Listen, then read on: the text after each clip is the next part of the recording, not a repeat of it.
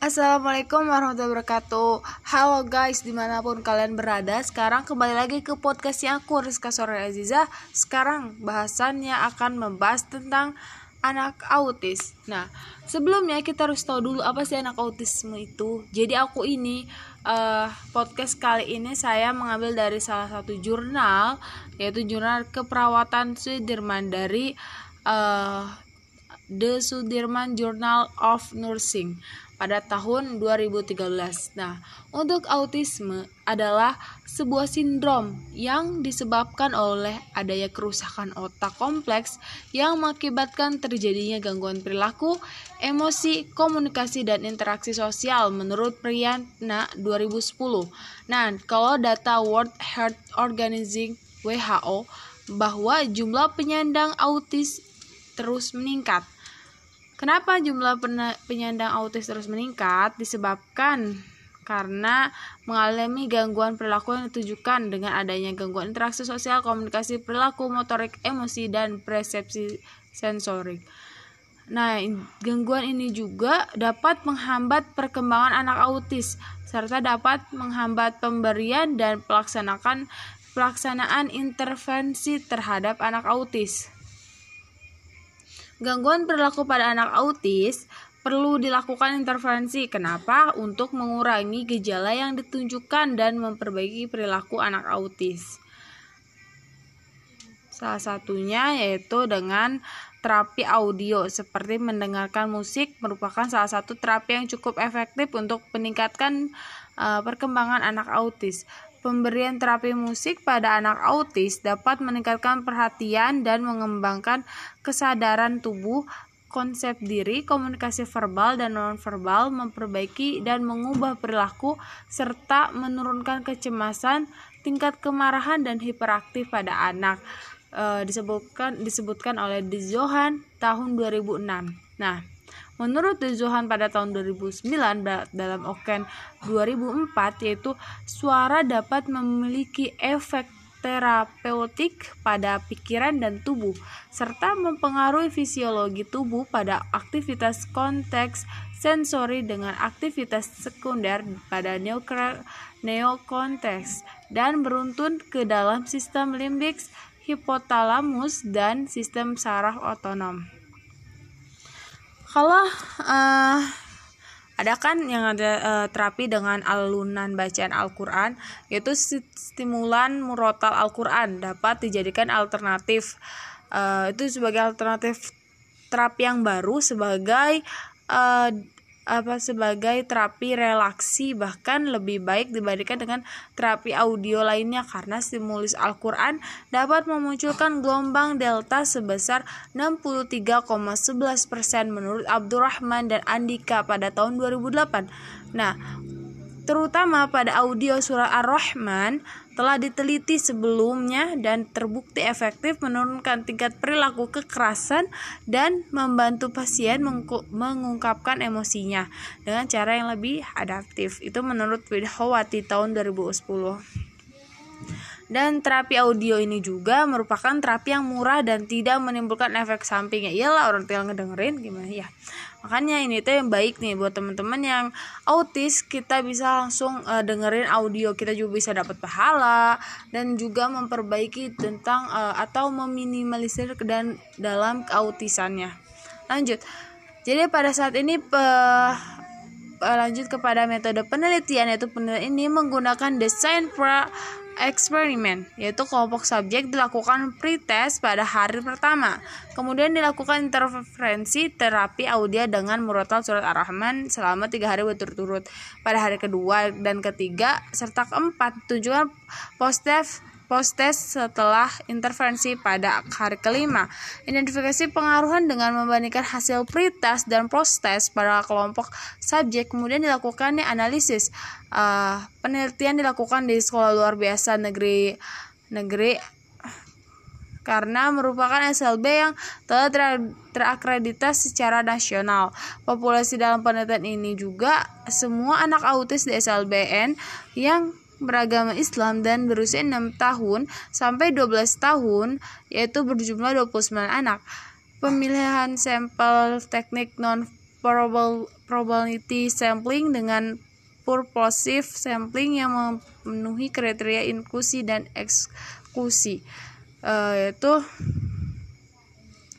uh, kriteria, kriteria inklusinya responnya tidak masuk sekolah dan mengalami sakit dan mendapat perhatian lain selama proses penelitian serta tidak mendapat persetujuan dari orang tua. Sampel pada penelitian ini ada 18 responden terdiri dari 6, 16 laki-laki dan 20 perempuan.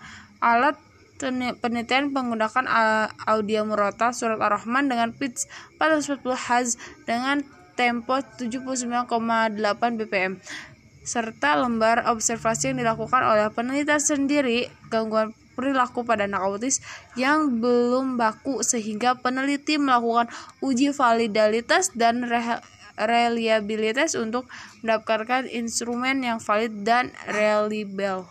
Real reliable. Sorry ya teman-teman. Aku tuh emang enggak uh, oh ya kurang juga bahasa Inggrisnya. Dan maaf banget di podcast kali ini aku teh agak gimana suaranya karena uh, ini tuh aku biasa lagi sariawan aduh. Oke lanjut. Pada hmm, hasil analisisnya. Nah. Uh, hasil analisis 10 dari 12 pernyataan yang ada menunjukkan berkurangnya uh, jumlah responden yang mengalami gangguan. Itu setelah mendapatkan terapi dengan setelah mendapatkan terapi jadi terapi audio dengan brutal surah rahman dapat menurunkan tingkat gangguan perilaku yang dialami oleh autis nih. Udah diberikan uh, uh, penelitiannya ya teman-teman. Jadi uh, surah rahman ini masya allah sekali.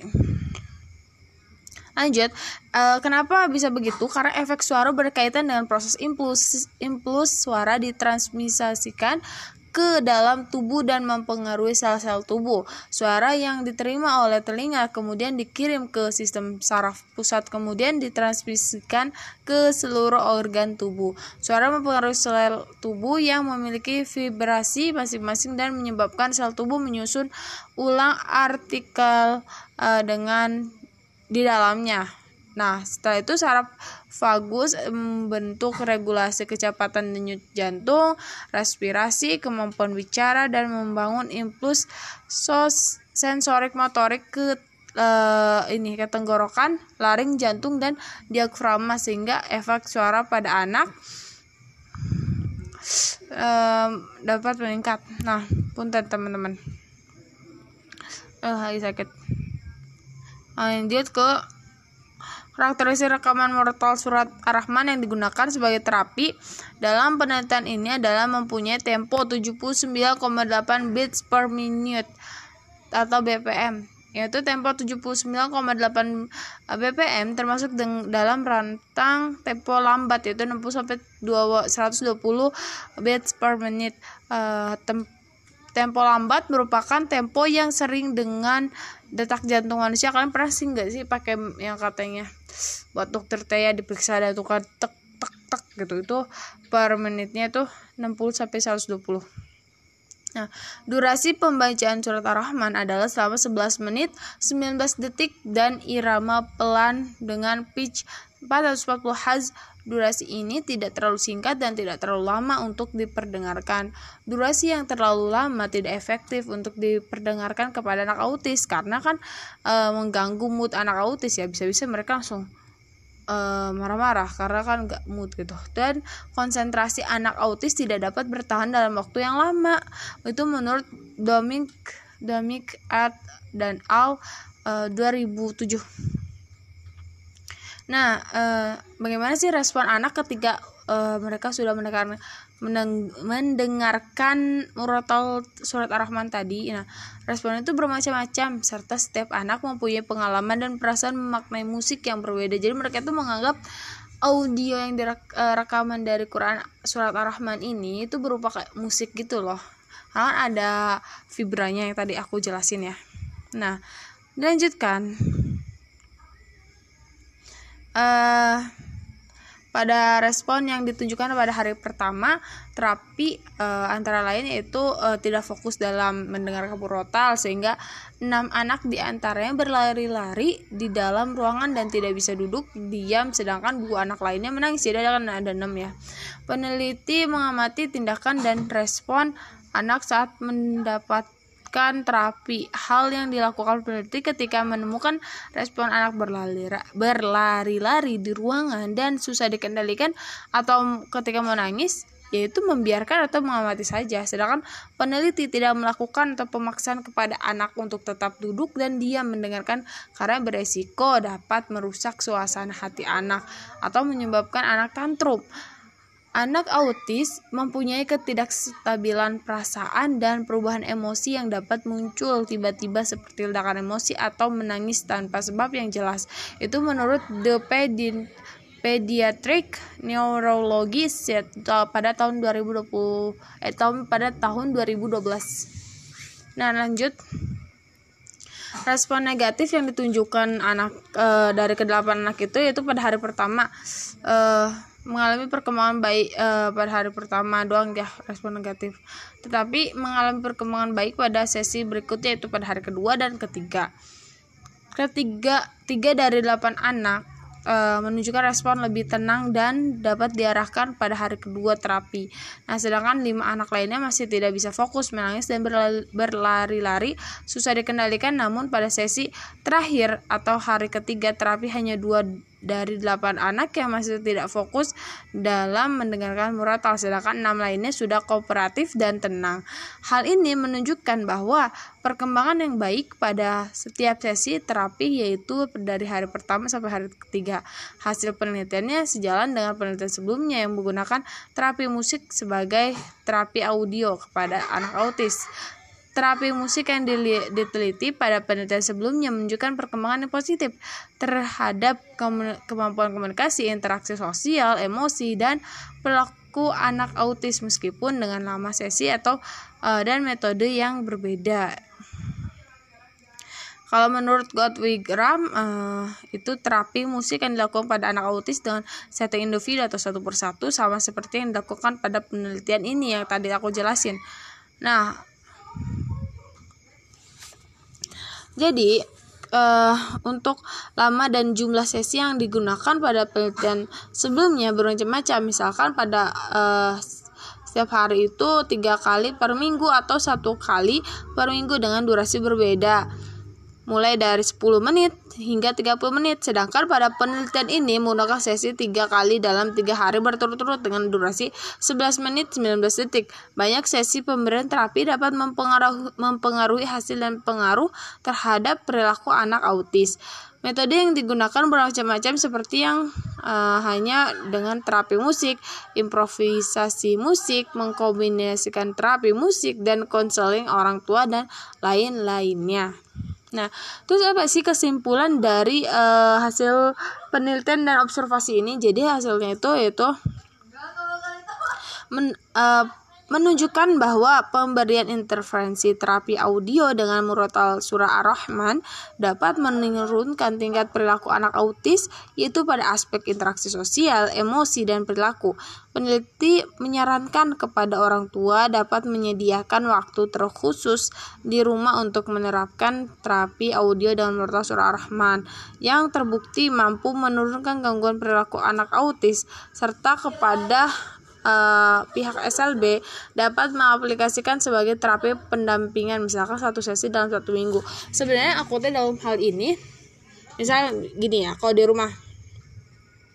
Berarti uh, setiap pagi jam habis subuh langsung tuh di setel murotal uh, surat ar-rahman supaya anak teh langsung kayak terbiasa gitu. Itu kan untuk mengurangi anak autis. Jadi bisa jadi nggak usah kayak menyisihkan waktu khusus gitu. Jadi mereka bisa sambil uh, makan atau apa mereka sambil dengerin surat ar-rahman gitu. Oh iya hati menjadi tenang gitu.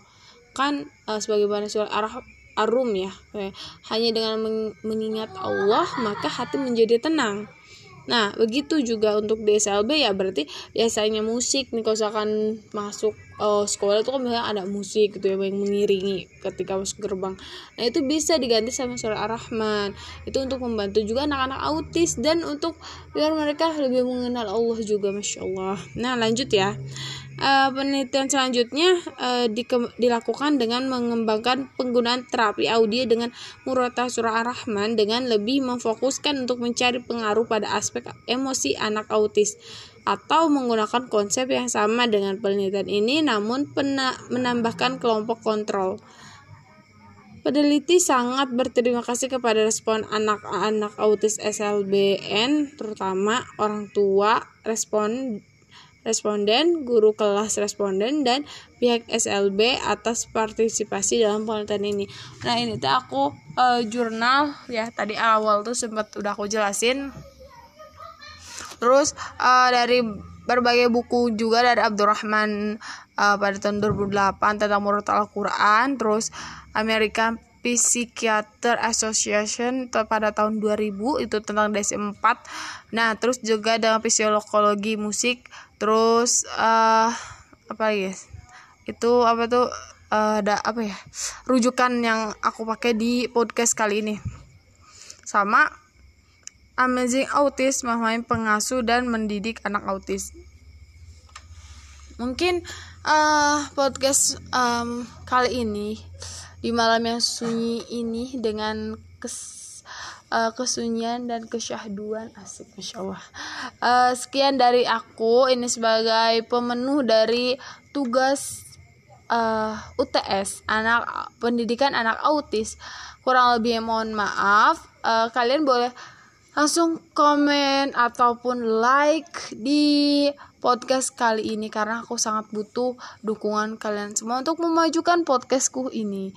Untuk kita bersama untuk mencari ilmu bersama-sama dan mempelajari ilmu dan serta belajar bareng-bareng gitu ya. Oke sekian dari saya. Wassalamualaikum warahmatullahi wabarakatuh. Salam santuy